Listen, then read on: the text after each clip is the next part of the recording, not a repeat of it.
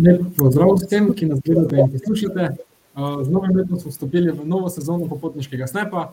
Danes je pred nami premjerna oddaja tretje sezone. Tako, z vami sem moderator Tile Nipič, pridružila pa ste se mi tudi Sandra in Bojan Staniša. Sandro vedno že poznate iz preteklih epizod, ko je govorila o popolnih popotniških selfijih in roadshipu po severovzhodni Ameriki. Preden pa se napotimo k njima, vam bom predstavil, na kratko predstavil našo organizacijo, torej Popotniško združenje Slovenije. Sedaj, v teh dveh uspešnih sezonah, verjetno že večina od vas ve, da je naše združenje nevladna organizacija, ki deluje tako na področju trajnostnega kot na področju mladinskega turizma in povezuje mladinske hostele Slovenije. Prav tako je del Mednarodne zveze Hosteling International, izvaja pa tudi program prostovoljstva, preko katerega lahko vsi vi, zainteresirani, sodelujete z nami, na primer v vlogi popotniškega novinarja, kjer lahko pišete in z drugimi popotniki delite vaše popotniške izkušnje, nasvete, doživetja, ki bodo objavljena v spletnem časopisu Globetrotter. Pri organizaciji sodeluje tudi organizacija Mladi Maribor. O čem pa bomo danes govorili? Torej, tema, tematika današnje oddaje je, so popotniški kombiji oziroma natančneje prav poseben popotniški kombi, ki sta si ga sama priredila naša gosta. Skupaj se bomo podali na pot njegovega nastanka kot tudi na dejanska potepanja. Torej, v ta namen pa Sandra in Bojan, pozdravljena in dobrodošla v tretji sezoni. Živjo, hvala. Živjo. Lepo, da vaju danes vidimo oba, torej celoten popotniški par. ja, ja, sem vesela, da je to tole že tretje sodelovanje. prej prvič letos, jaz pa oba. torej ja, verjetno nekateri naju že poznate, tisti, ki naju ne, torej sva Sandra in Bojan, potepuha, ke se skupaj se potepava že, že kar nekaj, nekaj let, šest, sedem.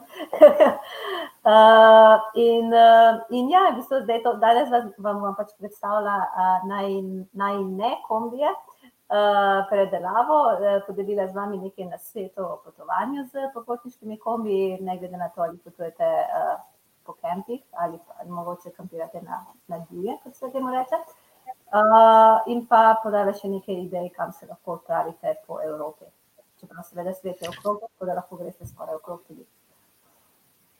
Super, torej tako lahko začnemo naše že tradicionalno tretje sodelovanje. In tako bi vas za začetek vprašal, torej kako ste sploh, kako ste sploh začela, prišla na idejo, ta stil potovanja, torej s kombijem, popotniškim kombijem? no, to bom pa mogoče najlažje povem tako, da kar začnemo s prezentacijo, z nekaj slidi, ke sem jih pripravila. Jaz še samo opozarjam vse gledalce in gledalke, da lahko svobodno postavljajo vprašanja in komentarje, pa na katera bomo poskušali odgovarjati tekom predstavitve. Ja, tako je. Torej potem pa kar začnimo. Torej, Tilen, da odgovorim na tvoje vprašanje, evo, prvi slide, torej vsi najini kombiji oziroma kako sva sploh prišla na to idejo, da se midva potepava s kombiji. Zdaj na tej točki mogoče lahko predstavim eno anekdoto, ker midva se s kombiji potepava že od prvega dne, ke sva se spoznala, in to je tistle kombi v zgornjem levem, ja, zgornjem levem kotu. in sicer smo šli na smučanje s prijatelji oziroma sodelavci iz službe, nekdo je poznal Bojana, Bojan je imel kombi, ga je povabil zraven. jaz sem pristala slučajno v tistem kombiju, ker pač je nekje morali smo se razdeliti, ke smo sedeli. Vprašala sem Bojana, kako to, da ima kombi, je rekel, da ima da vozi kolesa, sem rekla: "Ja, kakšna?" Je rekel: "Tista za navzdol." Sem rekla: jaz tudi." In se obrnil, rekel: "Res?" No, in, in tako se je zgodba nadaljevala, ne, tako da v bistvu kombiji naju spremljajo že, odkar se poznava. in čeprav no, najin prvi kombi torej ni imel imena, sva pa z njim se kar dosti potepala na za športne izlete, počitnice tudi, v bistvu vikende, tako da je tudi kar svoje oddelal, plus da je bil mišljen tudi kot avto, no, ne samo kot kombi. Potem sva ga prodala, sva šla na enoletno poročno potovanje, ki je bila, ki je bilo najprej mišljeno z nahrbtniki, pa sva ugotovila, da pogrešava svoje lastno prevozno sredstvo. V Čilu sva kupila kombi, ki sva ga poimenovala Pisko, ta je še vedno nama zelo pri srcu, tako da se včasih kar vprašava, kje je, kje se zdaj potepa. in sva ga kasneje tudi prodala, ke sva naprej nadaljevala pot. Potem je prišla korona, ke smo se vrnili v Slovenijo, je bilo treba se spet malo potepati znotraj meja naše kokoške, ne. sva kupila najin tretji kombi, ki sva ga poimenovala Krištof, oziroma to idejo je dala moja mami. in sva ga predelala tako zelo dobro. To so bili v bistvu najni prva predelava, ker namreč pisko je bil skoraj v celoti predelan se strani uh, drugih popotnikov že, saj samo nekaj majhnih stvari naredila. Tega sem potem ni začela, ampak sva kaj malo gotovila, da si pač želiva tako kombi za malo dlje časa, uh, da bo tudi nekaj bolj vzdržljiv, s katerim bomo lahko obiskala tudi nekaj bolj odročne potičke, uh, tudi kar še šla v kašti, po kakšnih ne najbolj ravnih cestah. No? In zato je pač padla ideja uh, o, uh, o malo drugačnem kombiju. In torej začela sva graditi kombi, ki sta ga poimenovala Loki. Um, sorry, da te prekinjam, Sandra. Pojavilo se tudi ja. prvo vprašanje, ki ga bomo Aha. sedaj prebrali. Torej, uh, Ksenijo zanima, ali potujete izključno s kombijem? Ne, ne, ne, ne, ne izključno. Mislim, Zdaj, verjetno bova mečken več, tudi zaradi tega, ker uh, imamo na, na mesto enega, imamo zdaj uh, dva uh, pasja, uh, člana družine. Uh, tako da je v bistvu že kar, uh, mislim, zalogaj, da bi pač potovala z njimi iz letalja, skoraj zelo težko in jih ne želiva preveč puščati doma, tako da je kombi mogoče glavna prioriteta.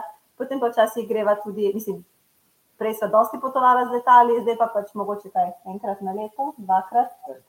Ja, lani smo bila v Ameriki, no to je bilo tako, tako prejšnji potniški snep. Uh, letos je v planu Malta, morda še, mislim pa še nekaj idej, no, odvisno, kakšne bodo letalske karte in cene, tako da v bistvu kombiniramo. No. Super, uh, mene pa zanima tudi zdaj, koliko let torej že um, potujete s kombijem, torej odkar ste se spoznala, verjetno? Ja, se pravi, to, je, to, to bo zdaj že sedem let, letos spomladi, ja super, to bo že lepo število. No. Ja, nekaj kilometrov pa je. Ja. Kilometrina. Uh, ok. Uh, tako da zdaj, ker sem vam predstavila te najne štiri kombije in kot sem rekla, v bistvu smo se res predelave od začetka do konca uh, lotila pri kombi številka štiri. In uh, glede tega, v bistvu dobivati največ vprašanj, zato ker je dejansko v zadnjih letih postalo precej popularno no, popotovati nekako z svojim popotniškim kombijem. Uh, ni potrebno letošnje predelave, kot ima midva, vsekakor ne, lahko se gre zelo za osnovno čez. Ampak ja, bomo zdaj pisal pač nekako predstavljati te faze, kako so se v bistvu midva lotila tega. A, zdaj vidim, da mi je tle slajd ušel mimo eden. Moj sem ga po pomoči izbrisala, naslovni slajd. Uh, torej, uh, torej, predelava uh, kombija od A do Ž, uh, po posameznih fazah, ki jih je v bistvu nekako uh, bojen mi uh, povedal, no, ker bojen je bil tudi tisti, ki je v bistvu skoraj v celoti, ja, v bistvu kombi zgradil sam. Jaz sem pomagala pri fazi številka ena, pa torej pri dekoraciji, pri dizajnu, pri manjših upravilih, ker vseeno nisem tak tehnični tip, bojeno pa to nekako bolj gre. No. Uh, tako da, če si za, lahko kar začnemo s tem. Razen če še kaj smo vprašanje prej. Zaenkrat ni, tako da lahko kar nadaljujemo.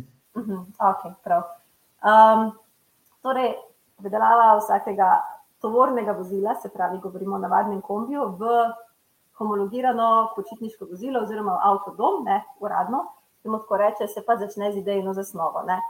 Uh, zdaj, dosti krat je to, uh, najprej se moraš vprašati, v bistvu, zakaj si želiš imeti ta kombi. Ne. To je bil, recimo, tudi eden izmed glavnih razlogov, da smo mi v bistvu potem eh, drugačen kombi nabavlja. Ne? Potem začneš razmišljati, kaj so tvoje potrebe, kaj, ali, ali potrebuješ kopalnico, ali potrebuješ WC. Videla sem, je že tako preizkušen dosti, tako da pač je to bilo nekako lažje, se mi zdi, da poveš, kaj ti manjka in kaj bi mogoče rajši imel.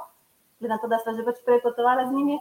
In potem se ne skicirati, ne? iščeš ideje, dobiš ideje na Instagramu, seveda tega je polno. Um, mogoče na YouTubu, ne filmski, vse mogoče. In potem v bistvu ponovadi začne z skiciranjem na zvezek, in štiri zvezek, mi jaz sem kar dosti skicirala med, med korono, še ko smo imela Krištofa, smo že sanjala v novem kombiju. Um, je pa res, da pač, mislim, potem je to nekakšna prva točka, potem si lahko v bistvu uh, naslednja točka, je, da greš na bolj uh, sofisticirane digitalne programe, ne, kateri obstajajo. Ne, Mislim, ja. Hmm uporabljal sem pač obične, obične programe za sam dizajn, pa za pač tehnično risanje. Drug, je, drug en program, ki mi je pa bistveno pomagal, da sem dobil neko rekel, glaven dizajn, vizualno, da sem pač si predstavljal, pole biti ta Van Space 3D. ko v bistvu imaš že template kombija in pa imaš neke osnovne mere, in pa lahko sem pač po hištvu namečeš noter, uh, imaš neke klasične postavitve. Vse itak postavitve so večinoma klasične, tako da lahko pač ok, malo prilagajaš, te barve tam niso tu pomembne, bolj kot ne, da si si neko postavitev postavil in si videl, če bo šlo vse skrbno, tako kot si zamislil. Ker pač mi dva sva si hotla, kot je Sandra rekla, že ko si poveš, kako bi rad imel kopalnico ali ne, in potem vidiš, a bo šlo noter ne na tisto kvadraturo, ki sploh imaš na voljo. Oziroma, največja skrb ni bila kopalnica, ki smo jo mimo grede lahko že povem, spravila notri. Uh, ampak je bilo v bistvu, uh, kako bo vas spravila notri dovolj veliko posteljo za oba, zaradi tega, ker je kombi nekoliko ožji od standardnih.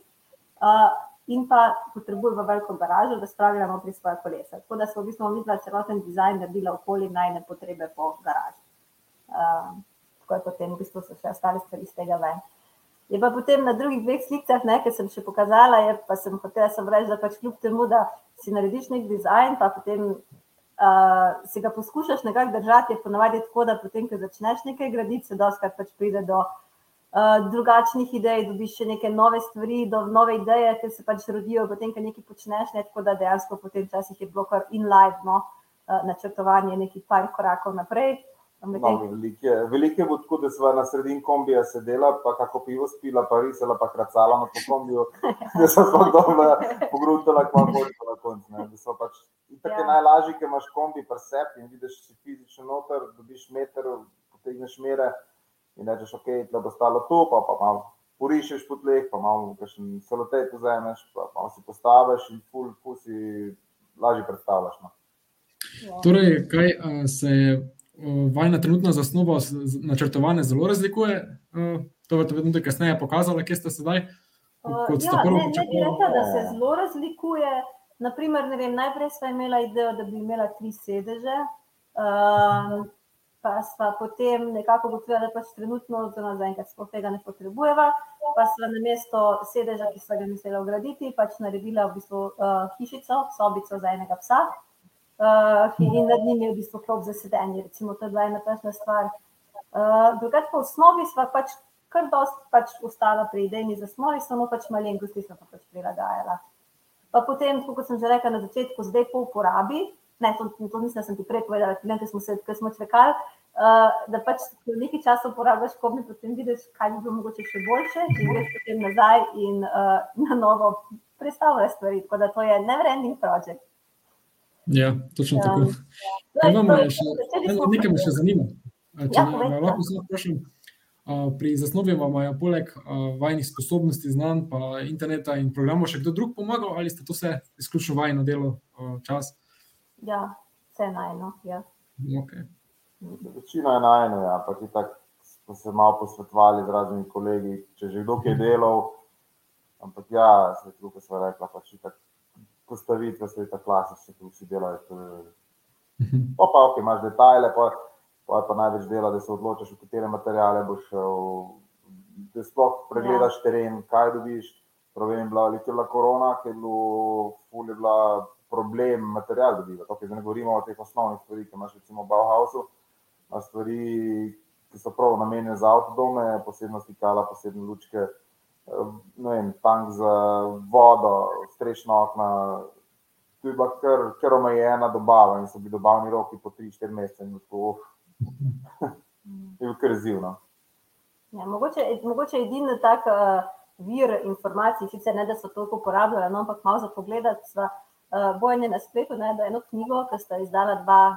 Ben Lifer je temu rekla, no, pač dva, ki v bistvu že dosti let živita, inženirja, ki živita in potujeta v kombiju, tle po Evropi in so v bistvu izdala knjigo, res Adože, v bistvu izdelavati. In pri tem je mogoče sem pomagala to, da mogoče dobiš kakšno idejo, kakšne vse materijale dejansko uporabiti. Ne, aha, sploh sem pozabil, da je to na voljo, ne, kaj pa če bi res, kaj pa če bi bil ta boljši. Ne. Uh, tako mečke, ne, bolj sem, da jaz sem bolj teoretik, tako da sem jo prebrala, meni je bila to zabavna knjiga. Uh, in sem potem bojno rekla, ja, ne, to bi to, to še mogoče, ne, bolj mogoče, če se je njemu zdelo to pametno, smo uporabili. On bolj ve, kot jaz, ne, jaz sem prišla sem z idejami. Um, tako da, ja, no, tako je potem izgledalo to, v bistvu, dosti, dosti prilagajeno skozi, um, skozi eh, čas, ampak začelo se pa je, v bistvu, ko smo kombi pripeljali domov. se je začelo v bistvu z prvim rezom. Uh, tam na levi slikici zgoraj je v bistvu rezanje prve luknje v uh, kombi, to je bila tudi nekakšna ta faza, ne v bistvu priprava vozila, um, ki običajno se stoji, pač, če pač kupiš tovorni kombi iz um, izdelave uh, oken, oziroma pač ugraditve oken. Um, in potem mi dva sva imela, mislim, da prva ali celo ena, mogoče ena izmed prvih Nove Slovenije, to, da smo dejansko želela poširiti kombi, ne, uh, ker je pač bojen tako dolg in sva pač za najn dizajn je bilo treba, da pač mi dva spiva po strani, ne naravnost. Ne. In to je bilo zelo, zelo prekratko za enega, zato sem pač želela to poširiti, kar je sicer tu in tako čisto običajno, tle pa pač se ni dalo delo dobiti. Mislim, da sem koliko časa ne sva iskala to. Mislim, ni, da se, se ne dela, problem je tu vse te ponovadi so večje firme, ki se pač to delajo, pa sami naredijo te poširitve. Ni bilo pa recimo na aftermarketu dobiti prav teh poširitvenih delov, ki se lahko kupim, potem si dobil vse certifikate, da se lahko pošiljaš v homologacijo, če je tudi največji problem. Bile so ja. ene variante iz Amerike, sem se bile čist pregra, grozno predrage, pol smo nekaj najdel v Nemčiji in ja, recimo po pol leta iskanja, čist po naključju, uh, sem pa dosledil eno firmo iz Nemčije, ki, ki poda in certifikat in vse, kot smo videli, za uporabo in bilo res odleglo. Ker tle najmanj bila um, rekel, stvar postavitve, da če dobiva neke poširitve, bo pač spala počes. Če, pač v bistvu, če pa ne dobijo poširitve, mogla, bo mogla pa dizajn spremeniti, pa v bistvu neko izvlečno poslo narediti, pa bomo spala po, dolgim, po dolžini vozila. Uh, ampak pa spet omeji neki, neki prostor. Pa, ampak, ja. Ja. To drugače, komorkoli uh, od vas, poslušalcev, polagam na srce, če pač razmišljate o predelavi kombija. Ena, že od, od štartu, imejte pač uh, si preberite, na, mislim, sem, na, na koncu sem dodala povezavo oziroma sliko, pravila, ne, kaj v bistvu pač mora kombi, če ga želite zares homologirati ne, v avtodom, uh, kaj mora vsebovati in, kakšne, in v bistvu vsak poseg v tovorno vozilo, v vozilo pač zahteva neke uh, uradno ugradnjo in pa certifikate. Ne. Uh, tako da z določene stvari pač mora potem lahko tudi pač narediti nekdo, ki se s tem um, lahko ukvarja. Um, um, oziroma, potrebuje vsak, del, vsak nov del, ki pride, potrebuje tako imenovani TUF certifikat, to je pač za evropski certifikat za evropski trg. Ja, zdaj govorimo, če ti. Govorimo ugrajuješ dele, spremenjaš mm. nekaj na konstrukciji, na, na samem vozilu. Primer, damo, nekdo hoče ugraditi okna, strešna okna, stranska okna, ali pa ne, ogrevanje, nekaj, v bistvu, kar lahko vpliva na varnost samega potnika. Torej, tam je v bistvu zakonodaja napisana tako, da boš za vsako to stvar, ki jo ugradiš, mora, mora ta ugradni del, mora imeti certifikat, bla, bla, bla. Tako da je pač v bistvu varnost za potnike. Torej, um... Te, ta zakonodaja, oziroma te papirje za te dele in za preureditev kombija, to je enaka torej v vsej Evropi, predvsem na ravni Evropske unije, ali je potrebno kako državo posebej biti previden, če se če veste iz izkušenj? Ne, mislim, da Slovenija ima. Ne, mislim, vsaka država ima malo drugače, ampak po Evropski uniji je bolj ne podobno, ampak se pa razlikuje njanse. No, Več pa ne vem. okay, ja. Zdaj so se pa pojavila tudi vprašanja, se strani gledalk in gledalcev. Torej začeli bomo s vprašanjem od Katje. Katja zanima, koliko star kombi sta kupila, ta dva najnovejši. Torej. Aha, ja, Ja, ta je nov.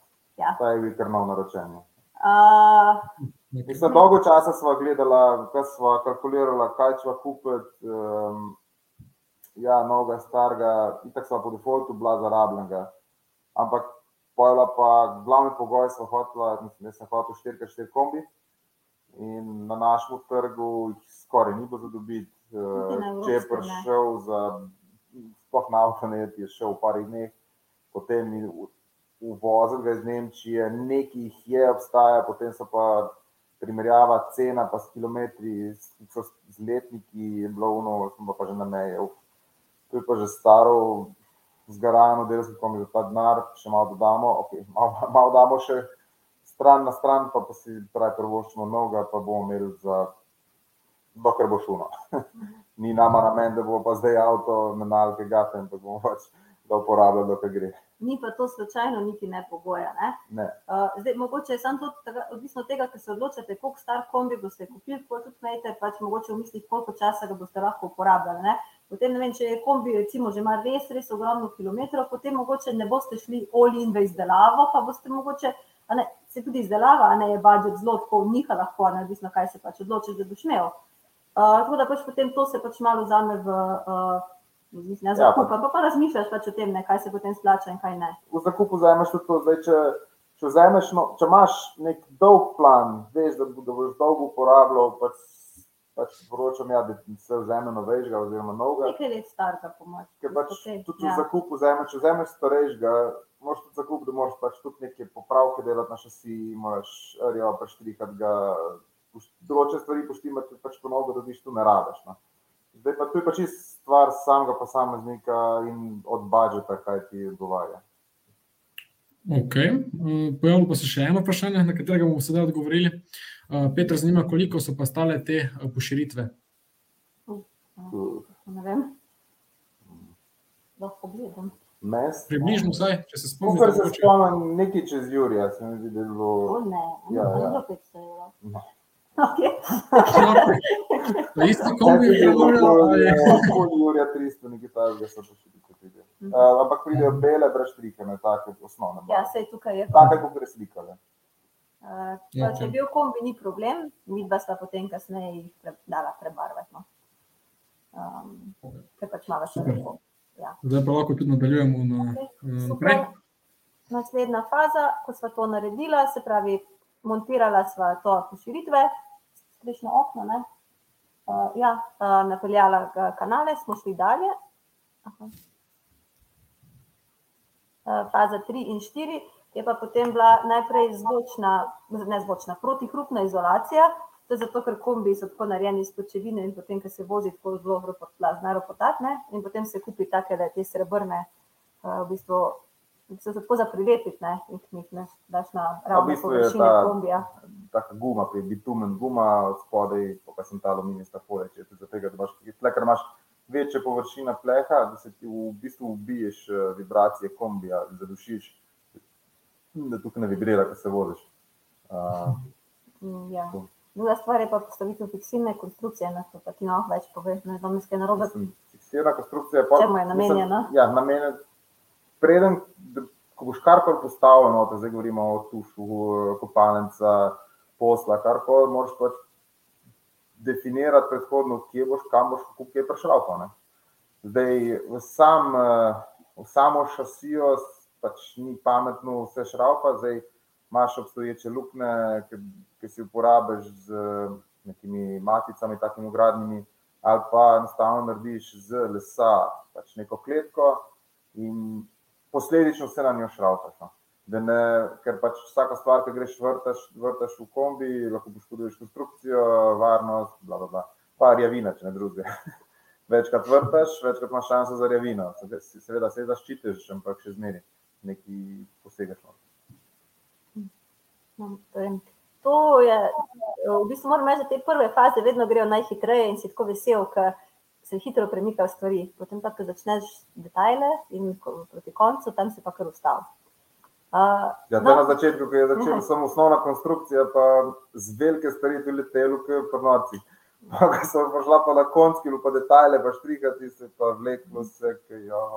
Zdaj, mogoče uh, še ena, ena stvar, ki je doskrat, uh, mislim, da je tako tudi no, nezanemrljiva, je to, da rabiš kar nekaj urodja, ne, da pač tako kombi, kombi postaviš. Ne. Tako da, recimo, za, če nimate tega ne, doma ali pa nimate možnosti se sposoditi, pa pač ne, pri stricu, komorkoli ne to delati, je potem treba v bistvu nekako še ta uh, budžet oziroma ta strošek nekako imeti v mislih. Ne? Pač, uh, bojan, bojan tako, tako rad dela in te stvari ima, uh, nekaj, nekaj tudi službeno, tako da uh, uh, mi smo pač v bistvu te, uh, tega nismo posebej uh, rada kupovali. Katera faza vam je torej vzela največ časa, ravno ta, ko ste sestavljali nosilno konstrukcijo znotraj ali pa kasnejše faze, ki ne, še ne imamo? največ časa je vzelo, lepo na koncu na finese. Uh, ti imaš ti to osnovno konstrukcijo, postaviš tudi hiter, uh, pokaj začneš pa. Mislim, Na začetku gre hiter, pa ko prideš pa do une, fines, pa pa vidiš tudi v bistvu, kaj si že prej hm, kiksno, pa moraš tu vse popravljati, pa daš gor, pa razbiješ, pa dol, pa še enkrat gor, pa znoriš. Pa... to klet, ki je v tem kombiju, draj bude, da ne povem. Če lahko primerjate z ostalimi fazami, koliko vam je vzelo glih ta finese popravljanje? Več kot vse ostale faze skupaj? O, mogoče elektroinstalacije si tudi nekaj, a ne, ne, ne vem. Mislim, mislim, da smo imeli tako, se bom pokazala, do katere faze smo pač bila, ne vem, začela sva uh, januarja, pa sva bila tam že, ne vem, aprila, preden sem šla v Ameriko, ne, pa imela večine velike stvari, pol se je pa začelo, hm, pa šlo v čas. uh, tako da ja, tla, v bistvu, tla, tla smo videla pač lahko na različne načine, pač v osnovi je vedno ta konstrukcija, to je na sredinski sliki, potem izoliraš z, z neko zadevo, karkoli pač zbereš, material, kaj, kaj je na najnih tleh, eh, armoflex. ali kaj je vmes. A ja, tudi ovčka, ovčka ni za malo ovčko, se pravi ovče volno. Uh, in pa potem namestite osnovne plošče, to je ta teda črna plošča, na kateri se sediva, to so v bistvu podtladno, če lahko temu rečeš, to še ni zaključni sloj.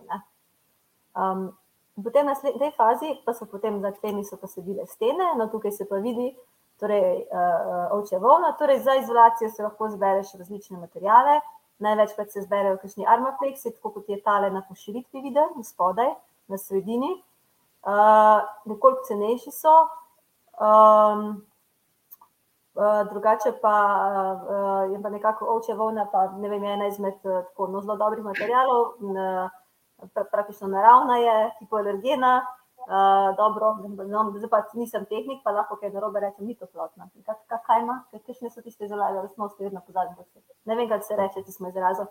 Tiste lastnosti, da bi so dobro, neko rada izraz je fizikalni, kaj ja, ja, tega pozabim. Ja, ja. pozabim. Ja, tako da. Na oči, mislim, ja. kaj sem primerjala, kaj sem zbirala, kaj, kakšno izolacijo je tudi noter.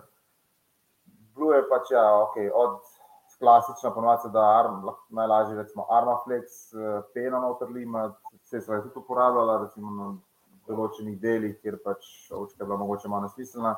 Ampak večina se pa se odločila za ovca, ker je pač ok, in večkrat dražja, imela je pa ene izmed boljših lastnosti, izolativnih in uh, plus ta, da je.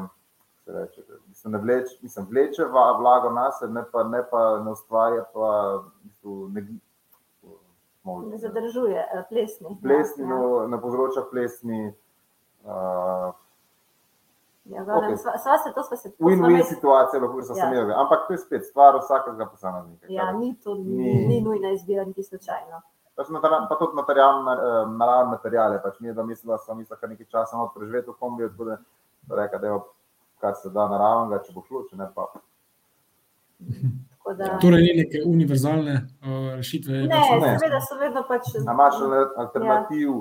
se pravi, imaš ovce, imaš armaflex, pa uh, zdaj popularen je ta, uh, ki se v bistvu šprica z, peno, ali tem, portem peno varianta, ko v bistvu celega prešpricaš in ga čist zadihtaš. Ne? Ti si recimo full mhm. fine zlizar kakšnega kondensa, ti kakšen kondens po vodo nabere, potem še kjer je ved, pa še posebej kakšna plesnica nabera kot ampak je pa pacarija. Pa tudi veliko stvari moš prej predvideti, ne moš popravljati več, kaj enkrat ti znaš pricati. No.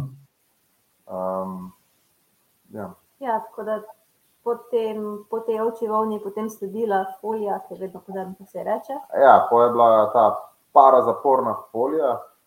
Sicer, če bi še enkrat delo, tega ne bi dal več noter, uh, ker je en kup enih debat je v tej parazaporni foliji.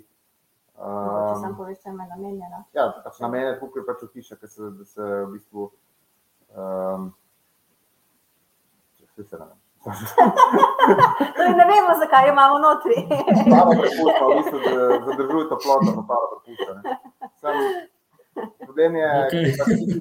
iz aluminijastega materijala in problem v kombiju, v kombiju se hitro nabira vlaga, vse posod, ker je pač uh, kovinska konstrukcija plinu kult in je v bistvu že uh, sama konstrukcija kombija, je že para prepustna barijera. Tako da je skoraj nesmiselno, je tukaj sem sploh že malo kasneje študiral, pa tudi članke bral in je pol so ful že do tega, da brez veze. Še zdaj, ampak je še zmeraj trend, da se na to gre, da sem tudi jaz tako naredil. Pa mi je žal, ampak le. Naučimo se, če še ja. bomo imeli kombi številka 5, čez 20 let, upam, da. Ja. bomo se tega že spomnili. A, Tako da pa tudi ja, na svet, eh, na svet ja. ostalim popotnikom, ki poslušajo sedaj. Ja, tako na svet. Drugi na svet pa tukaj je, ker potem stene zapiraš, se tega sem videla, pač upoštevala. Uh, recimo, če želiš, če paziš, na, ne, na koncu mora kombi biti nekaj težine, nek maksimalna težina je lahko. In recimo tukaj je dobro, recimo, da malo premisliš naprej, kje boš imel razne uh, elemente, ne, kuhinjski omarice, karkoli, ker v bistvu tam zadaj ne rabiš dodatnih, recimo, če zvonce z deskami zapira, ne stene, to je končni sloj. Mi, kar, uh, mi imamo te klasične, kaj to znaš, kako se temu reče. Temu deske. Ne vem, znane klasične deske, vezane, Ja. ja, ne te. Končno zaključim. Ja, zaključne in v bistvu tam jih zadaj ne rabiš, kar lahko v bistvu potem dosti na teži, v bistvu, uh, mislim, je dosti lažji avto na koncu, ne, če pač ne, ne potegneš desk po celotni dolžini na začetku in potem na nje pri, pritrdiš elemente. Sem jaz tole težino je bil kar izziv. no. Saj to je v bistvu Ja. ja. eden, največjih izzivov. Eno je, da razporediš težino prav po avtu, ki moraš poštevati vse, pa tudi naprej, kje boš mu vodo, zdaj boš noter 100 litrov vode, 200 kg. Uh, pa imaš, kje imaš bo baterije, elektriko, odpadne vode. Drugo pa vsaka, vsaka stvar, ki daš noter, pač neki, neki vaga, ne? ima neko težino. In tudi vsak šrauf ti nekaj nanese, če več šrauf daš noter, več težji avto na koncu. Jaz neko, kar gruntam nazaj, ja, lahko bi še, lahko bi še par deset kil, a pa sto kil mogoče z- zreduciral. Ampak ok, smo kar v redu, če smo šli na koncu. Um, To verjetno bolj vpliva tudi na porabo eh, goriva. Ne? Če imate manj noter, je po mojem bolj optimalno ne? na dolgi Ja. rok. Seveda. Mhm. Uh, no, potem pa, ko smo že pri teži, eh, potem je sledila praktično postavitev konstrukcije. Uh, in tukaj se večina ljudi uh, odloči za les, kar je tudi super stvar. Tudi meni sem nekako imela v mislih najprej les, ampak potem tudi zaradi teže se je pač bojen odločil za aluminijaste profile in pa tudi zaradi tega, ker pravi, da rad dela s kovino. Tako da to je bila potem njegova odločitev. Da, uh, in je v bistvu precej lahko jih je potem dejansko sestavljati, kot nekakšne lego kocke. Ne? Pa da si v bistvu samo pač po, di- po dizajnu, pa potem je potem sestavil um, osnovne profile za uh, elemente v kombiju. To je bil zabaven del, ne? Ja, ja, ja. ja. To je bilo veliko debate med nami, ona na vsak način gleda, vse so ti gledali, ja, pa tu vse lesa, lesa delajo, pa imaš neke profile, bla, bla, bla. Nisem hotela, nisem hotela, da se kovina zunaj vidi, ker to, Ja. pač ni, eh, to ni lepo. Ne? Pač les je tako domačen, kovina pa mi ni Pač pasala. le smo se skozi križ, kres, kre- kresala, ker pač ona je hotela tak pač lep luk, jaz sem hotel pa tak robusten luk. No, je pač Potem smo se srečala celo na sredini in smo se, in smo se dogovorila, da zunanjost je njegova stvar, notranjost pa moja. Dizajn, ja, pa garaža. Ja, tako da nismo še sedaj do konca pri zunanjosti, ampak to so njegove ideje. Uh, kon, končni luk kombija znotraj pa je, uh, pa je moja ideja. Tako da to je bila najna. Uh, Pa sem v glavnem, zakaj sem se na koncu odločil tudi za te aluminijske profile, ali zaradi pač malo močnejše konstrukcije, pa ja, meni osebno malo lažje delati, ker ni, ni anglik, mizarske delavnice doma, da imamo vsake, vsako delo tako lepo narediti, kot treba, po mizarsko. Pač, v bistvu sem naredil pač vse z te alumin, lahke aluminijske konstrukcije in močne. In vse to pač ša- se šava pa skupaj, na koncu pa samo oblečeš pač v les in tenak les in že tam na, na, tudi na težini, ker recimo zadnje plošče nisi rabu, da je to les in tako naprej, si lahko veliko zreduciral. Ampak ja, po želji. Torej, ob, ob, ob, je ostala torej odločitev, da bo aluminijasto. Ja, aluminijasto ja. notranjost. ja. Tako se razumelo. Je, ampak tako je, da pridemo do konca, se ne vidi. Uh, to je faza 8 in 9, o kateri bi verjetno jaz ne imela nič zapovedati, bojem bi lahko par ur govoril, ampak glavnem to so zahtevne faze. Uh, potrebno je pač postaviti celotno elektroinštalacijo, sicer njemu je to bolj kot ne igračka, ker je včasih se s tem ukvarjal. Uh, se še eno, tudi ja. jaz, jaz bi to verjetno postavila šest let skupaj. Um, in pa pač vodno instalacijo. No. Um, tako da uh, to sta bili naslednji fazi izdelave kombija, tukaj smo bili še vedno spomladi. Um, in potem smo se lotili stropa. Um, tu pa spet imaš različne izbire, kako pač v bistvu pokriješ strop. No, jaz sem si, mislim, ne oba dva, sva si zaželela pač imeti takle izgled, uh, v bistvu uh, 3D, no, s- en, ena podloga in potem deskice čez, da niso čisto skupaj. Ne? Um, tako da je mečken debelejši, potem konc konca strop prišel. No. prva faza je bila, da sem pač osnovno ploščo, je pač, ki je bila nameščena, se je pobarvala, potem sem namestila deske in omestni izgled nam je v bistvu pravzaprav bil zelo, zelo všeč, tako da sem ga skoraj pustila. Ampak potem nekako um, na koncu spet to ni šlo z idejo o tem, kak sem si jaz zamislila na notranji dizajn. Smo potem pobarvali na rjavo, kot je bila prvotna ideja, da se je pač skladalo z drugimi elementi. Ampak se zdaj pride zelo lepo. No? Ampak tudi že umestna faza je bila zelo v redu da bi lahko tudi tešno ostala. Lahko pa samo deske, da je še eno zraven druge, tako kot pač na steni, tako smo v prejšnjem kombiju imeli, tudi tu, tu, ne, eno, in v bistvu zelo, zelo hitro lahko ložiš. Uh, tako da tiste da zelo preprosta rešitev, kot pa tole vsako posebej gor šlaufati. Torej, sta na podlago pod stropom namestila posebej deske, ki jih vidimo na drugi sliki. Ne? Ja, nekateri pa delajo celo tako, da v bistvu deske namestijo na to glavno ploščo, ne, in potem to dvignejo, dvignejo gor. Ja. Ja, Če delaš pa cel strop naenkrat, ja, cel, lahko ja. strop posebej narediš, pa ga pa v bistvu zmontiraš vse naenkrat. Ampak. Okay. To je bilo lažje. No.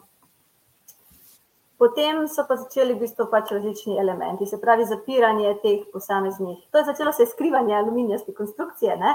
z, z lesom, z, začela se v bistvu postavljati kuhinjo, hladilnik se je ogradil. To so dosta stvari, so v bistvu mi da naročila, že preden je kombi sploh prišel, ker namreč na kombi sva čakala tri četrt leta, ker pač korona in mhm. pomankanje čipov in vsega, tako da smo ogromno stvari imeli, že preden smo sploh kombi imeli doma. Ne, med koronom smo imeli si čas, ne smo bili na Amazonu. Ja. Tako da smo tudi dekoracije so bile doma, prej kot kombi. Um, okay. ja, tako da tle smo se odločili pač za mečki širši pult, kar običajno ni tako praktično v kombih, ampak nekako sem si želela, sem si želela, da imela še malo delovnega prostora zato pač ni bilo tako oskih teh klasičnih uh, štedilnikov, tako da so potem morala pult narediti neke take standardne širine. No? Običajno so majčke ožje, ne v klasičnih avtodomih, če gledaš. Uh, ali pa si pač obrnjeno, ne obratno, da se pač se za to odločila. Da, no, da, vprašam, uh, kateri les pa sta uporabila za ta pult? Oziroma za vse ostalo? Tale pult je pa akacija. Ja, No, mm. V bistvu vedela, kaj je lep, lepljena plošča iz akacije. Ja. Želje, ta, ja, ta, tukaj še ni bil prebarvan, te v bistvu temnejši. Želja je bila hrast, nekakšna ideja je bila vse v hrastovi barvi, ampak potem ni bilo za dobiti lepljene plošče za hrast, sploh ne. ne. Je bilo za dobiti, sem je bila ful pretežka. Aj, pre, pretežka je bila tudi, ja. Dvakrat težje, recimo, ja. te bila in pač. No, in v glavnem potem sta tole našla v, da mislim, da je bila v obju. Pa je potem to velik kos bil, da so potem lahko uporabljali še isto ploščo za, za mizo, vidno. Um, ja. Pa za, mislim, imamo dve mizi. Tega Ena niste rabili naročiti preko Amazona, tega ste lahko kar kupili, prenos v objo. ja, tega smo kupili v objo. Ja. Medtem, ker elementi uh, so pa za ja, korito in številnik so za Amazona. Uh, ja, hotel sem reči, da imamo dve mizi, jedilnici, se pravi, jedilnem delu je ena, ne? In pa potem uh, taka premična na nogico, nogica je tudi za Amazona, tri četrt stvari je za Amazona. Uh, in pa imamo še v bistvu zunaj, zunaj, ker je pač v bistvu ta kuhinja, ne?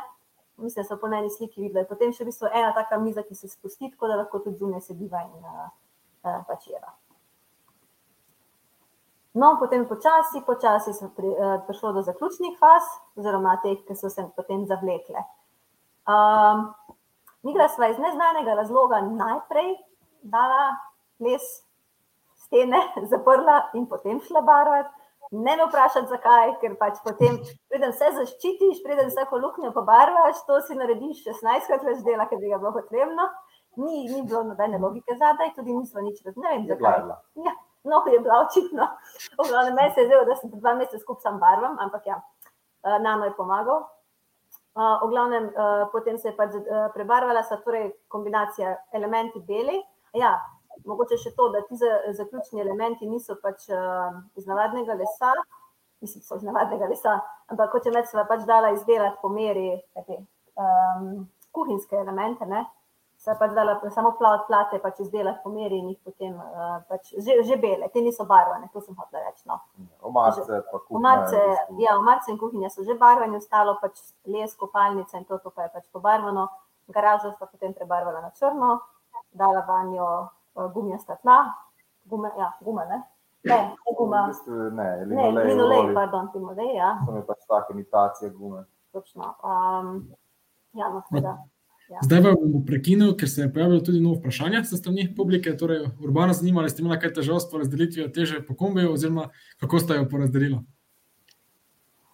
Uf, Ma, sej, tu smo malo temo že malo prej načeli. Ampak, uh, mislim, ja, težava, ki sem prej omenil, je bila pač pri po, sami postavitvi. Recimo, ki daš od zadaj, na katero stran boš dal vodo. Glede, recimo, če je na enem avtu je rezervoar za gorivo, da daš na drugo stran rezervoar za vodo, ker je pač 100-100, 100 litrov, 100 litrov. In pol kombiniraš, da spet na drugo stran elektriko. Pač je bilo igranje. No. Um, Mogoče, če na hitro povem, na najni levi strani kombija so torej jedilnica, kopalnica uh, in pa spodaj v garaži uh, Elektrika. elektrika. Ja. Pa tudi na tej strani je tudi v bistvu gorivo, ne, z leve strani kombija, na, na podno dol. S tem, da imamo pa, pa se pravi na desni strani, se pravi na sovoznikovi strani, je pa rezervoar za vodo, uh, pa delno bo tudi odpadna voda tam, pa kuhna, z vso, Kremo, pa vso premo plinska noter plin uh, in tako naprej. Uh, edino, Torej, To lahko vidimo no, torej na sredinski sliki. Ne? Kaj?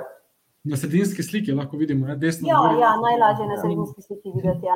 Zdaj, edina sprememba, ki verjetno bo nastala v prihodnosti, je ta, da bo polovico omarice zgornje na desni strani prestavila na, na levo stran. Zaradi tega, ker pač je v bistvu tam vmes zelo malo prostora, uh, tako da je nekako si utesnjen, ker spiš, ne? Je pa nujno spati v to stran, zaradi tega, ker je poširitev ožja na desni strani, na levi strani je nekoliko širša. In potem, če bi spala obratno, bi moral bojem zelo, zelo z glavo v luknje spati. ne. Tako da, v bistvu spati moramo s te strani, je pa malo moteče zaradi omaric, to pač so zdaj ugotovila. Ja, Tako da, bo treba pač ja. dva dni posla. eh, zdaj, verjetno enkrat letošnjem letu bo to malo odrezala, eh, predstavila na drugo stran, ponovno barvala in ja. Tako da, eh, nov projekt. um, no, tako da to, torej barvanje več slojev, to gre, ne, bar se veste, kaj gre barvanje, barvaš, pobruseš, pobarvaš, pobarvaš, lakiraš, tako. Na koncu pride lepo. Ko Um, si, ko si že mislil, da si fertik, pa moraš spet nekaj zamenjati. Ja, to to pa vedno. In, no, in te, nekako te faze, se pravi, uh, ni treba kombija čisto, čisto do konca, imeti čisto do vse detajle in dekoracije, in to preden ga pač homologiraš v avtodom. Uh, neke določene zahteve so pač, ki uh, so pač potrebne in zato ja, vsakemu pač polagam na srce, če bi pač želel homologirati avtodom, da se pač dejansko prej pozanima, si prebere nekaj pravilnikov, vse, vse ni tako zahtevno, ne? samo pač se, se biti treba skladati z določenimi zahtevami, na koncu je treba napisati poročilo, priložiti slike. Potrebno je imeti določene certifikate za ugradnjo, če pač sam nimaš, uh, uh, če pač sam tega ne moreš ugraditi, oziroma nimaš znanja ali pač potrdil. Um, potem, uh, ja, drugače pa lahko pač povem, da ni pa to sploh nujno, če se pač, da še ti vedno lahko v bistvu pač potuješ in imaš nekako popotniški kombi, tudi uh, v primeru, da je to tovorno vozilo, a ne, so, je pa pač nekaj omejitev. Naprimer, če je tovorno vozilo, potem tista umestna stena, ne predeljna, ki je za, za voznikom, tista ne sme biti, mislim, mora biti notranja, ne, ne sme biti omaknjena. Potem uh, ne, nič ne sme biti fiksno pritrjeno, ne, ne moreš pač kar prišraufati na šasijo, ne, ampak pač mora biti stvari nekako take, da se pač omaknejo uh, lahko, ker pač uh, ne sme biti pač fiksno pritrjeno. Ne. Nek par, neki par takih stvari je, no, par zahtev. Pač Tako da- to, da lahko policaji delajo probleme. No. Ja, no, tudi konc koncev. Jaz recimo prejšnji, prejšnji kombi, ki smo ga imeli, Krištof, je bil pač čisto na osnovno narejen, Mhm. uh, ampak je bil še zmeraj tovorni kombi, načeloma se da vse, se da vse ven zmetati, tako da ni bilo neki problem. No. Ampak ja, če pa naletiš na nekoga, pa imaš neki narejen, ki ni po predpisih, pač samo odgovarjaš. Ne, to pač, tako je. Torej, to je že fajn vse prej urediti, preden se sploh spustite bolj v podrobnosti. Ne? Ja, sploh če se pač odločiš, a ne, da Yep. to želiš imeti dlje Pa časa. Recimo, tudi ena druga stvar, kar se teh homologacij tiče. Uh, mal, mal, se mi da, sa tudi jaz sem bil kar, kar dosti v strahu, sem se pripravljal kar dosti na to, ker so v bistvu vsakega konca dobiš drugačne informacije in eni strašijo, oni strašijo, da je tu nek bal bal. na koncu sem recimo tu dobro izkušnjo, da sem bil kar po. Okay. Ja. Sicer, okay, vse smo imeli vse po predpisih, vse po zakonodaji, narejen z vsemi papiri, certifikati, potrdili, izjavami o skladnosti, mislim, o strokovni ugradnji, vse. Uh, je šlo lepše, kot sem pričakoval. Hvala Bogu. Torej. ja. Mogoče ena stvar, ki sem jaz čisto na začetku dejansko pozabila omeniti pri prvih fazah kombija, je to, da, ja, da če se pač odločiš predelati v avtodom oziroma popotniški kombi, uh, potem seveda odstraniš tudi pač predeljno steno. Um, zdaj, pač pri nama je to, sem pozabila sem na to, ker pač naj kombi ni prišel s predeljno steno, ravno zaradi tega, ker pač sva v bistvu naročila nov kombi ne, in sva ga naročila brez te stene že. Poleg tega je imel dva, uh, je prišel z dvema oknoma na vsaki strani, ponovadi ne so pač ugradnja oknov. Uh, ja, mislim, da sem imela vsa okna že predpravljena. Zato, da nisva ja. rabila dodatnih okn, samo ogrejevati, to sva pač lahko zbirala. Ja. Plus, uh, imela sva že vrtljive, ja, vrtljive sedeže, noter, ker je isto potrebna, mislim, certifikat za ugradnjo. Uh, mislim, deli z certifikatom, se pravi okna, vrtljivi, strešna okna. To so pač potem stvari, ki se, se vrtljivi sedežno ne rabiš, to je spet odvisno od tega, kakšen dizajn uh, kombije si izbereš. Uh, Jaz sem pač takega se izbrala, da pač se. Da, da pač sta to rabila, in sta pač potem to izkoristila. Če, če sem že naročila nov avto, ne, da pač sta potem uh, te stvari uh, po naročilu uh, že dobila v bistvu štartu. No. In potem, ko je homologacija šla čez, Uh, potem je sledil še moj najljubši del, uh, da sem mhm. končno te stvari, ki sem jih na Amazonu naročila, vseh tem letu, dveh, ne vem. Uh, in uh, v, na, po nakupih v IKEA, tako da sem potem uh, še izdelala uh, detajle. Um, Zdaj ste še tako vrila dušo v kombi, ne?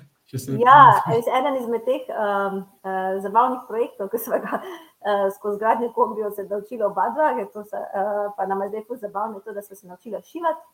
Um, namreč uh, te zaščite, ki jih vidiš na oknih, to so pač te, so pač te uh, izolacije, v bistvu notri vmes je očevalna uh, in je pač namenjeno temu, da pač je kombine poleti bolj hladen, po zimi bolj toho, uh, pa tudi, da se mi stane biti notrne.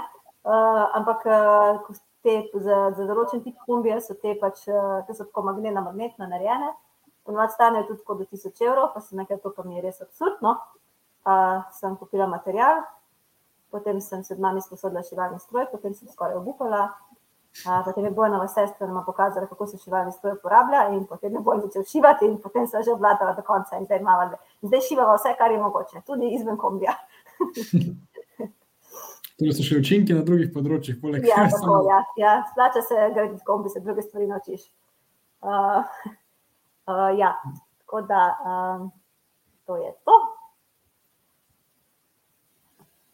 Potem pa smo prišli še do nekaj na svetu, se vidim, da smo že pozni. Uh, uh, če pa še ima kdo kakršno koli vprašanje. Uh, Zaenkrat ni dobenega vprašanja, tako da lahko nadaljujemo. Aha, no dobro. Ker se vem, da se v gradni kombija, v zdelavi se ne da vsega povedati v 45 minutah. Lahko nas zmer kontaktirate na Instagramu, Blumar Vagabonds ali pa na, na pišete, ne, kaj na Instagramu, kot na Facebooku, tam Facebook ne pošilja notifikacijev. Um, glavnem, ali pa pišete na mail, na koncu sem dala mail, tako da še z veseljem odgovorila, oziroma priskočila na pomoč, ker veva, da zna biti to zelo gaje, če se pač prvič loteva česa takega. Najdete naj pa tudi v skupini Van Life Slovenija, da, ja, za tiste, točno, ker ste mogoče navdušenci oziroma bi radi imeli kombi, obstaja Facebook skupina Van Life Slovenija, kjer potekajo take debate, uh, tako da lahko se tudi tam pridružite. Se verjetno še, še bo pojavilo kakšno vprašanje po oddaji, mogoče ne, mhm, kasneje. Uh -huh, ja. Um, torej, zdaj sem pa sam zbrala nekaj tako praktičnih nasvetov, uh, jih, uh, mislim, da smo se marsikaj več naučili v teh sedmih letih, no, ampak to je To je nekaj stvari, ki mi je najprej padlo iz glave, pa sem jih danes naredila tukaj. Um, zdaj, če še nikoli niste potovali s kombijem, ne je da delati kombije, tako je. Ne, ne, to bo tako. Žal vam bo, pa mogoče boste ugotovili, da imate premaj časa ali pa da to sploh ni za vas. tako da uh, pač prvi na svet, ki ga pač dam vsakemu, je, da pač poskusi ne z bistvu z najetim. Sploh, če si želiš imeti uh, kombi, kombi, potem ne najeti avto doma, ampak najami kombi, to vseeno so mečken, uh, mečken manjši, pa so, no, tako da dobiš občutek, kako je v bistvu pač potovati s kombijem, kakšne so stvari, na uh, moraš paziti na nje, kaj se moraš prilagoditi, kje imaš več svobode. Tako da dejansko pač ugotoviš, ali je tak način potovanja v bistvu zate. Uh, tako da zdaj. Uh, Iz kombije, mislim, kombijo lahko najameš ogromno, od manjših, ne skoraj malo večjih avtomobilov. Recimo, lahko probaš, kaj ti najbolj odgovarja. Recimo, nekdo je futbol usmerjen v športe, pa je mobilen, bo imel hotel imeti majhen avto, pa sem tu, da ima za prspet. Nekdo bo pač bo pa všeč, ima pač luksus, se zapira do kampa in se tam sparkira in se ne premakne dva tedna. Pa bo vozil pa velik avto, pa hiša sabo. To je čisto odvisno kaj ti želiš, kaj so tvoje hobi, kako počneš, kakšen imaš življenjski stil. To je tukaj širok področje, da je fajn res pač provat. Vzemi si eno sredino, zato je recimo njih tak kombi, tudi recimo na sliki. Ja, Tam 6 metrov, 6,5 metrov je idealka za provat, potem vidiš, kaj ti odgovarja, več je pomembno. Um, Videla ste, kljub temu, da ste imela svoje kombije, kdajkoli najela slučajno kombi? Ja, tukaj sem jaz na sliki.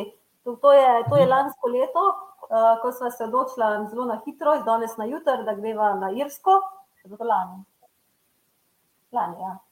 Ne, ne, ne, ne, pardon, ne, smo že 23. 21. septembra smo šla, šla na Irsko, les minutno in so v bistvu najela, to je Indie Campers, precej znana, ne vem, z, precej znan brand, ki pač ponuja najem kombijo po celi Evropi. Uh, tukaj sem videla, da sicer imela en tako zelo tak zabavno izkušnjo s tem kombijem in sicer uh, Na naslednjem, na naslednjem slajdu imam, uh, imam uh, za vas na svet, da pač vedno preverite, če vse dela. Ne? Mi smo menda preverili, ampak v resnici očitno nismo, ker prvo noč smo ugotovili, da gretje ne dela. Potem so glavni pogoj, ker smo sploh kombi najela. Ne? Ja, imela gretje, ker je bilo mrzlo. Drugače bi najela malo večji avto, ne, ne kombi.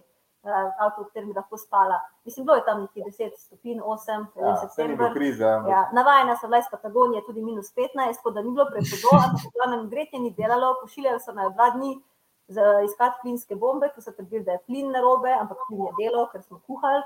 Uh, na koncu so hoteli, da nazaj pridejo v Dublin, ker so bile že na jugu Irske, tako da na koncu so rekli, ne, pač ne, pač ne bova želela se pač spati skozi na divje zato ker pač nisem nadivje, ne v kampi, ker je pač jaz, kam to uradno dovoljeno. Uh, ampak sem potem pač vsak, tri, vsak tretji dan šla lepo v kamp, da sem se stuširala. Um, Vmes pride čestilni robčki prav, to, to vemo, to, iz, to vemo iz Patagonije, mislim, v, če mislim, v Južni Ameriki so se dosti naučili o potovanju s kombijem, pet mesecev skupaj v bistvu živela v kombiju. Um, uh, tako da ja, no, tako da to je bilo pač, ja, da se vrnemo nazaj, da sem malo zašla. Uh, tukaj lahko pač ugotoviš, kaj ti pač ustreza in kaj ne. Recimo ta kombi na sliki je drugače super, ima prostora notri, ampak recimo do zadaj pa je v bistvu postelja čisto nizko in potem je ogromno neizkoriščenega prostora zgoraj, ne, v bistvu lahko skoraj, jaz sem lahko skoraj stala, ne.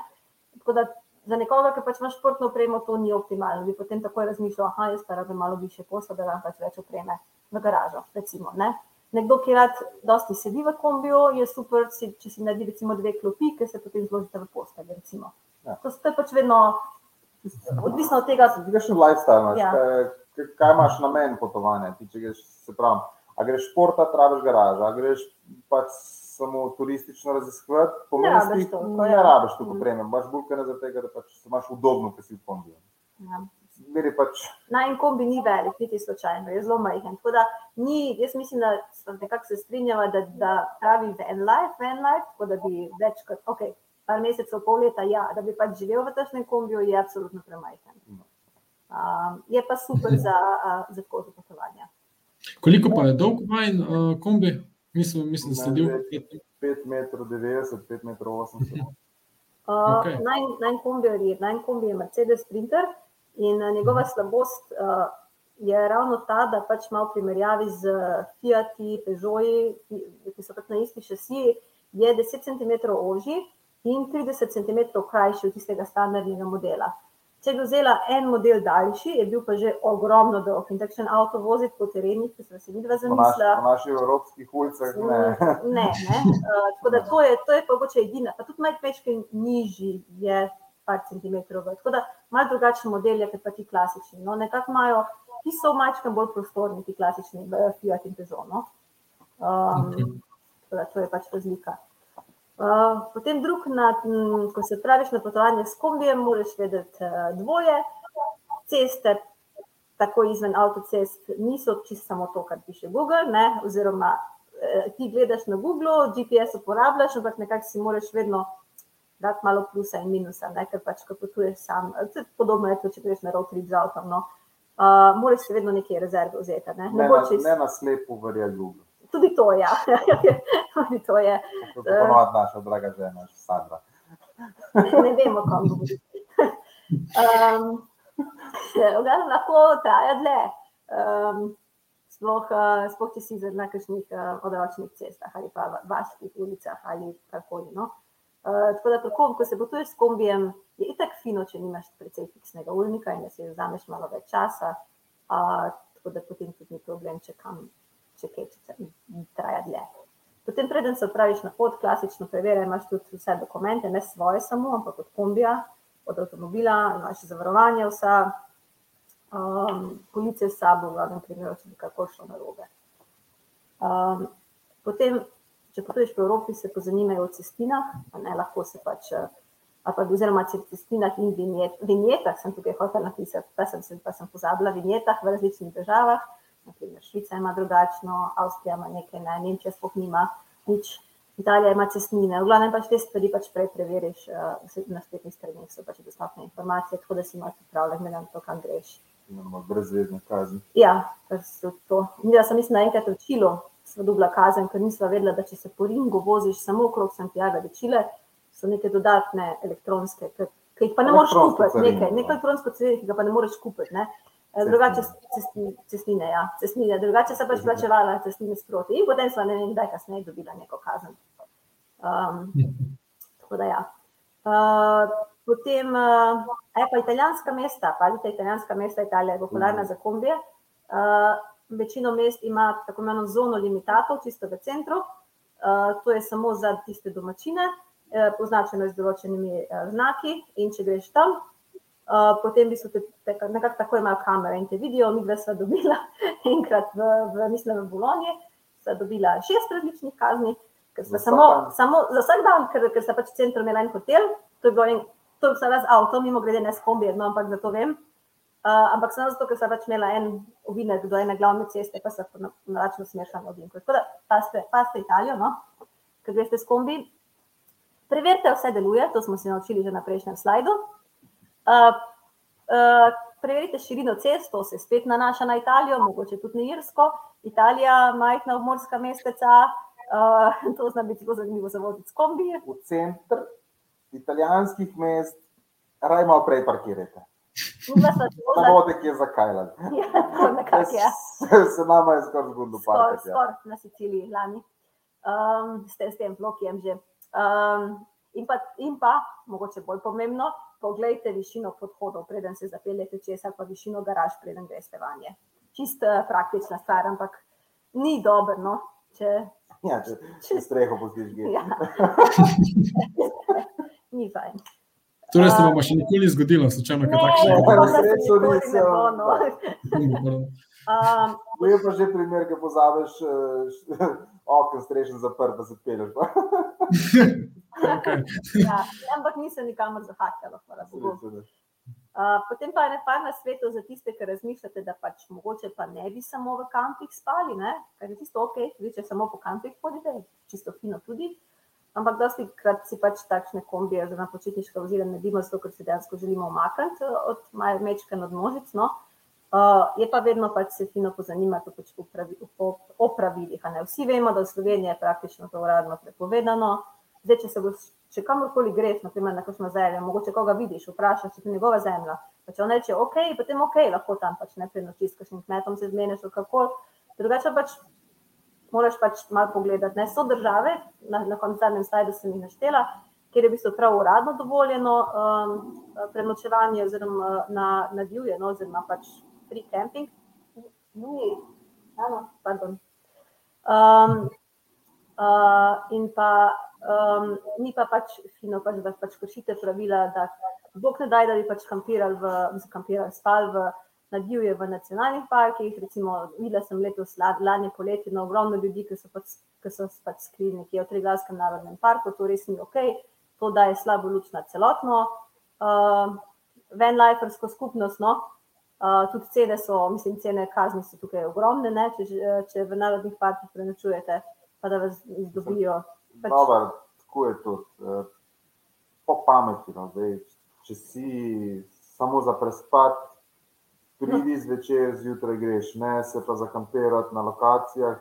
Če že moraš prestati nekje, se umakni stran, da pač nisi na očeh in tako naprej. Pa še nekaj je. Pusti prostor tak, da si prišel. Se pravi, ko greš od tega prostora, da pustiš, poskrbi za sabo, da je pospravil večke, smetnjake, kot češ, lahko odpeleš in daš. Medla sem recimo videla, tudi na Siciliji, pa tudi Južna Amerika, to je bilo tudi na teh spotih, ki se uporabljajo, teh aplikacijah, ki so tukaj napisane na Park Fortnite. Ah, včasih je bila kar, zdaj pa je sinjak. No. Je ful težko tiste robčke pospraviti, pa dobro, vse vsi gremo na, na malo veliko potrebo, pa dobro, pospravi za sabo. Ne. Če ne pa lopato porabo, pa kar kar vse. Tam še krivo. Ja. E, no. Se ne se vredo, si že naprej povedal. Ne, se to je točno, jaz torej spanje ni kampiranje, to pač to dejansko tudi, recimo, mislim, celo Italija, malo si ima prav tako pravila, pač dejansko je določeno, ali Španija je izdala, ker je bilo preveč teh ljudi, ki so se posod spali s kombi. Stanje ni enako kot kampiranje. Se pravi, če ti prespiš nekje, izgledaš kot avto, ki si parkiran. To, ne, to pomeni, da, da ne odpiraš eh, vrat na široko, ne daješ stolov ven, sediš, zažariš mogoče nekje, kar na enem spotu. Nekje, ja, ampak ne, ne tam, ne, kjer pač en kup ljudi in, uh, in je sploh če je povedano. Uh, Mar si kje je celo tako, da, da se šteje, lahko že, da ti lahko dajo kazen, zdaj na tu Španiji, na portugalskem, da bi, če že imaš odprto tole um, zgornje, uh, zgornje okno, no se že lahko šteje kot kampiranje. Um, to je to. Uh, potem, ko ti bojo rekel, ja, te aplikacije, ki so Park for Night oziroma v Južni Ameriki, super Overlander, uh, Maps mi je super, zato ker jo lahko uporabljaš offline, se jo naprej naložiš. Maps ima mhm. tako ceste kot atrakcije, uh, kakšne pumpe, v bistvu vse take informacije lahko najdeš na Maps.me, lahko naložiš na telefonu. V glavnem, v glavnem te se pač uporabljaš kot pripomoček, ampak ne pa pozabi, da tudi v policiji znajo uporabljati aplikacije. Torej, če, ali pa ta tovi konec koncev, ne, tako da pač vedno, vedno s pametjo. Um, in uh, ne tam, kjer je pač izrecno prepovedano. Um, se, če se odpravljaš kam dlje, potem že se lahko tam v Patagoniji, v Evropi so lahko odročni kotički, ne? če greš bolj off-grid, za več dni, ne pozabiti pripraviti kombije na to, a imaš dovolj vode, mislim, je tank poln, imaš dovolj plina, imaš možnost, imaš powerbank, dodatno baterijo, če karkoli gre narobe. Um, Máš možnost poklicati, ne, recimo uh, povezava, ne, lahko je to Wi-Fi, ne vem, nekje recimo v Južni Ameriki Uh, ni bilo Wi-Fi, pa so tukaj mi, da mečke nisem toliko odgovorna. No, se zdaj nazaj pogledam, bi bilo super imeti še kakšen satelitski telefon, ker pač to si nekje lahko, kjer več ur se voziš, da sploh prideš do civilizacije, ne? več ur, pol dneva. Tukaj nismo tako daleč od civilizacije, na tej spodnji sliki, no, spodnji desni, to smo na Boliviji, na uh, spodnja leva, pardon, leva, desna, um, na slavi Boliviji, nismo le sam nekaj ur, no, ampak tukaj recimo. Um, Tako je super. Predvsem presenetljiv, uh, hud signal. Ja. Na sredini česar je bil 4G signal nor. ja, poskrbi za varnost, potem pa lahko tudi uživaš tako, kot smo, kot smo mi. Um, potem, no to pa kar je, kar je že v bistvu bojem povedal, ne kuret ognja, nikakor ne odpadne vode, uh, kar nekam točeti. Če bi že rad ogen kuril, dan danes obstaja tukaj finih, recimo, sestavljivih kurišč, uh mhm. -huh. ki jih imaš lahko sabo, medva ga ima tudi. Da malega. Ja. Uh, v bistvu ga sestaviš, noter zakuraš in ko zaključiš, pospraviš in greš. In ne kureš po teh, uh, pač ja, merka treba. Um, okay. Če imaš še en mesec, ki je požarna ogroženost, pač ne kur. Um, pa ja, torej lopata, vidite, bojena z lopato, to je v Južni Ameriki še. Tudi zdaj ima lopata časno mesto v garaži, na slika na desni strani. Je prva pomoč. Ja, prva pomoč je to. Torej, če že greš na številko dve, pa nimaš več seja, bi pa ga imala v pre, prenosnega. Ne? če že moraš, se pravi, zbereš vsaj 50-100 metrov stran od vodnega vira, vzameš lopato, skoplješ luknjo, ne odmečeš papirja, ga daš v vrečko, prineseš nazaj, vrečko odvržeš v smeti. Navadite se, čist simpel, ampak marsikdo tega ne, ne zmore, tako da to je minus za tiste, tako Torej, se. V bistvu je, da se ne pusti sledi in se plovi Tako. dalje. Torej. Tako, to, je, to je tudi eh, poanta trajnostnega potovanja, ne. Naravno, ker tudi ti, ki si bil vesel, da te sprašujemo ti spot, ki je bil klin, tudi tebi je bilo všeč, pušča nekomu drugemu. Mhm. Točno te, to, ja, mogoče še tak mini nasvet, lahko danes je že toliko teh eh, biorazgradljivih čistil in mili tega na voljo, tako da za kombi recimo lahko, lahko pač nabaviš te, dosti trgovince, recimo dosti, dosti ter kombi ima tudi tuš zunanji, tudi mi dva ga bomo imela sem tako za poleti, zdaj še nimava, no, ker sam pipo v bistvu potegneš ne, in se lahko zunaj stuširaš, pa pač uporabiš, eh, če že pač imaš milo, ne, pač uporabiš biorazgradljivo, da pač ne vsega, ne mečeš v naravo. Um, tako da je. Um, pa ja, drugače top, na praktičen svet, bencinske črpalke. V Južni Ameriki so bile top, tudi v Evropi so kar uporabne. Tudi na Siciliji, recimo, zdaj sem imela izkušnje, sva našla dvakrat uh, tuše, pa so bili čisto ok. Se pravi, tu za ston, ja. Tuši so, svežo vodo dobiš, eh, odpadno vodo lahko od, um, odliješ, ponavadi na bencinskih črpalkah. Uh, Prigrizke lahko kupiš, ne, kakšne, kakšne nujne adapterje, kaj takega, tako da so lifesaveri. No. Um, to. Verjetno te bo slejko prej crknila guma, Srčna bo guma. crknila počla. No, toliko o tem, kak jaz vem o pra- o pravilih kombija, torej crknila bo guma ali pa bo počla. Uh, tukaj le sva stran od civilizacije, absolutno v Argentini. Mislim, da se je v dveh urah pripeljal en avto mimo, ki pa je seveda še malo bolj hitro šel, ker se je šel mimo, da je ne bi slučajno ustavila, ampak sem imela rezervno gumo s sabo, no, tako da Fino je, če se mogoče s časoma naučiš kakšne take stvari, kakšne osnovne stvari popravi, da če bi res potoval nekje, kjer pač nisi blizu, uh, blizu vasi, blizu mest, da pač lahko sam tudi kaj rešeš. Um, mini metlica je super, vsak dan malo pometeš, imaš čist kombi. Čistilni robčki se uporabljajo za toliko stvari, da bi lahko verjetno predavanje temu namenila. To še mislim, da bom enkrat napisala knjigo o uporabi čistilnih robčkov. Um, in pa lopata, ja, pride prav za takrat, ko greš na stranišče, takrat, ko moraš sneg odmetati, če moraš, mislim, karkoli, ne vem, je zelo uporabna stvar v kombiju. V kombiju pride tudi prav, minimaliziranje, se pravi, ne vse garderobe s sabo, malo planiraš naprej, planiraš naprej obroke, to, to je super za ne, tiste, ki radi kuhajo, malo premisliš naprej, pa potem dejansko skombiniraš z različnimi stvarmi, da pa vseeno si nekako uporaben, omejen s prostorom. Tudi čim manj po- posode uporabiš, manj jo moraš oprati. Sploh če nisi v kampu, je to super. Ne? Um, bodi fleksibilen, uh, ne samo zaradi tega, ker pa človek gre kaj narobe in potem dlje časa traja pot, ampak tudi zato, ker je ravno lepota potovanja s kombijem to, da pač če ti je nekaj všeč, lahko ostaneš dlje, ker pač nisi vezan ne na hotel, ne na prevoze, letalske karte, ničesar, ne tako da v bistvu lahko nekako se pač prepustiš uh, um, nepredvidljivemu no? in pač uživaš v trenutku. Um, in pa zaupaš svojemu šestemu čutu, če pač ne vem, neki, ni, ni dober feeling, no, potem ne vem, prideš na nek kraj, recimo, pa če se je dobro ne počutva, se bo obrnila pa šla drugega Ja. poiskati, tu če je ura deset zvečer, ne. Um, tako da ja. To je to. Zdaj, se- ker se nas malo čas preganja, pa lahko gremo mogoče malo hitreje skozi Ja, samo destinacije. en slajd še imamo, ja, se treba. Torej, eh, kam s kombijem po Evropi, sem rekla, da bom dala nekaj na svetu, v resnici lahko s kombijem po Evropi, lahko greš kamorkoli, kamorkoli. Ampak zbrala sem samo nekaj držav, ki mogoče za tiste, ki so začetniki, ki bi pač prvič potovali, prvič najel eh, kombi, pa bi radi še mečken bolj tako izven kampov, kaj poskusili, ne, so pač v bistvu temu, pač temu načinu potovanja eh, nekatere države bolj naklonjene kot druge, pa nekako sem jih tudi, eh, glede na statistiko, no, ogromne količine venliferjev sem jih tudi nekako razporedila po reči, varnosti, vse nobena evropska država, da res ni nevarna, da ne bo pomotene.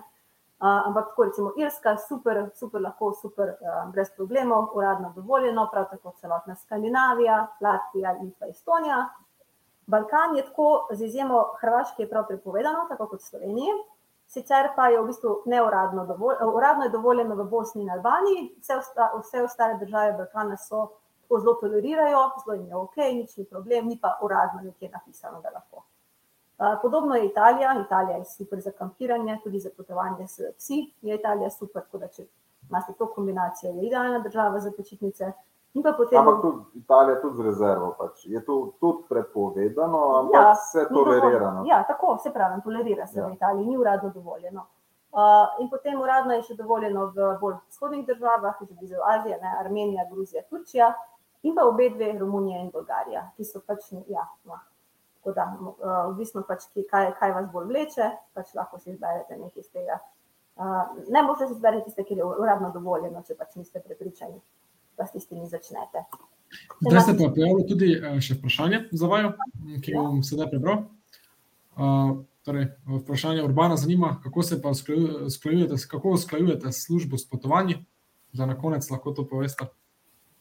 Uh, jaz imam uh, že nekaj let svoje podjetje, jaz se ukvarjam z digitalnim marketingom, tako da v bistvu jaz lahko delam od uh, katerega koli konca sveta. Uh, v bistvu pač tako, da časi se tudi zgodi, da pač delam tukaj na poti. Uh, torej, digitalni nomad, lahko rečeš.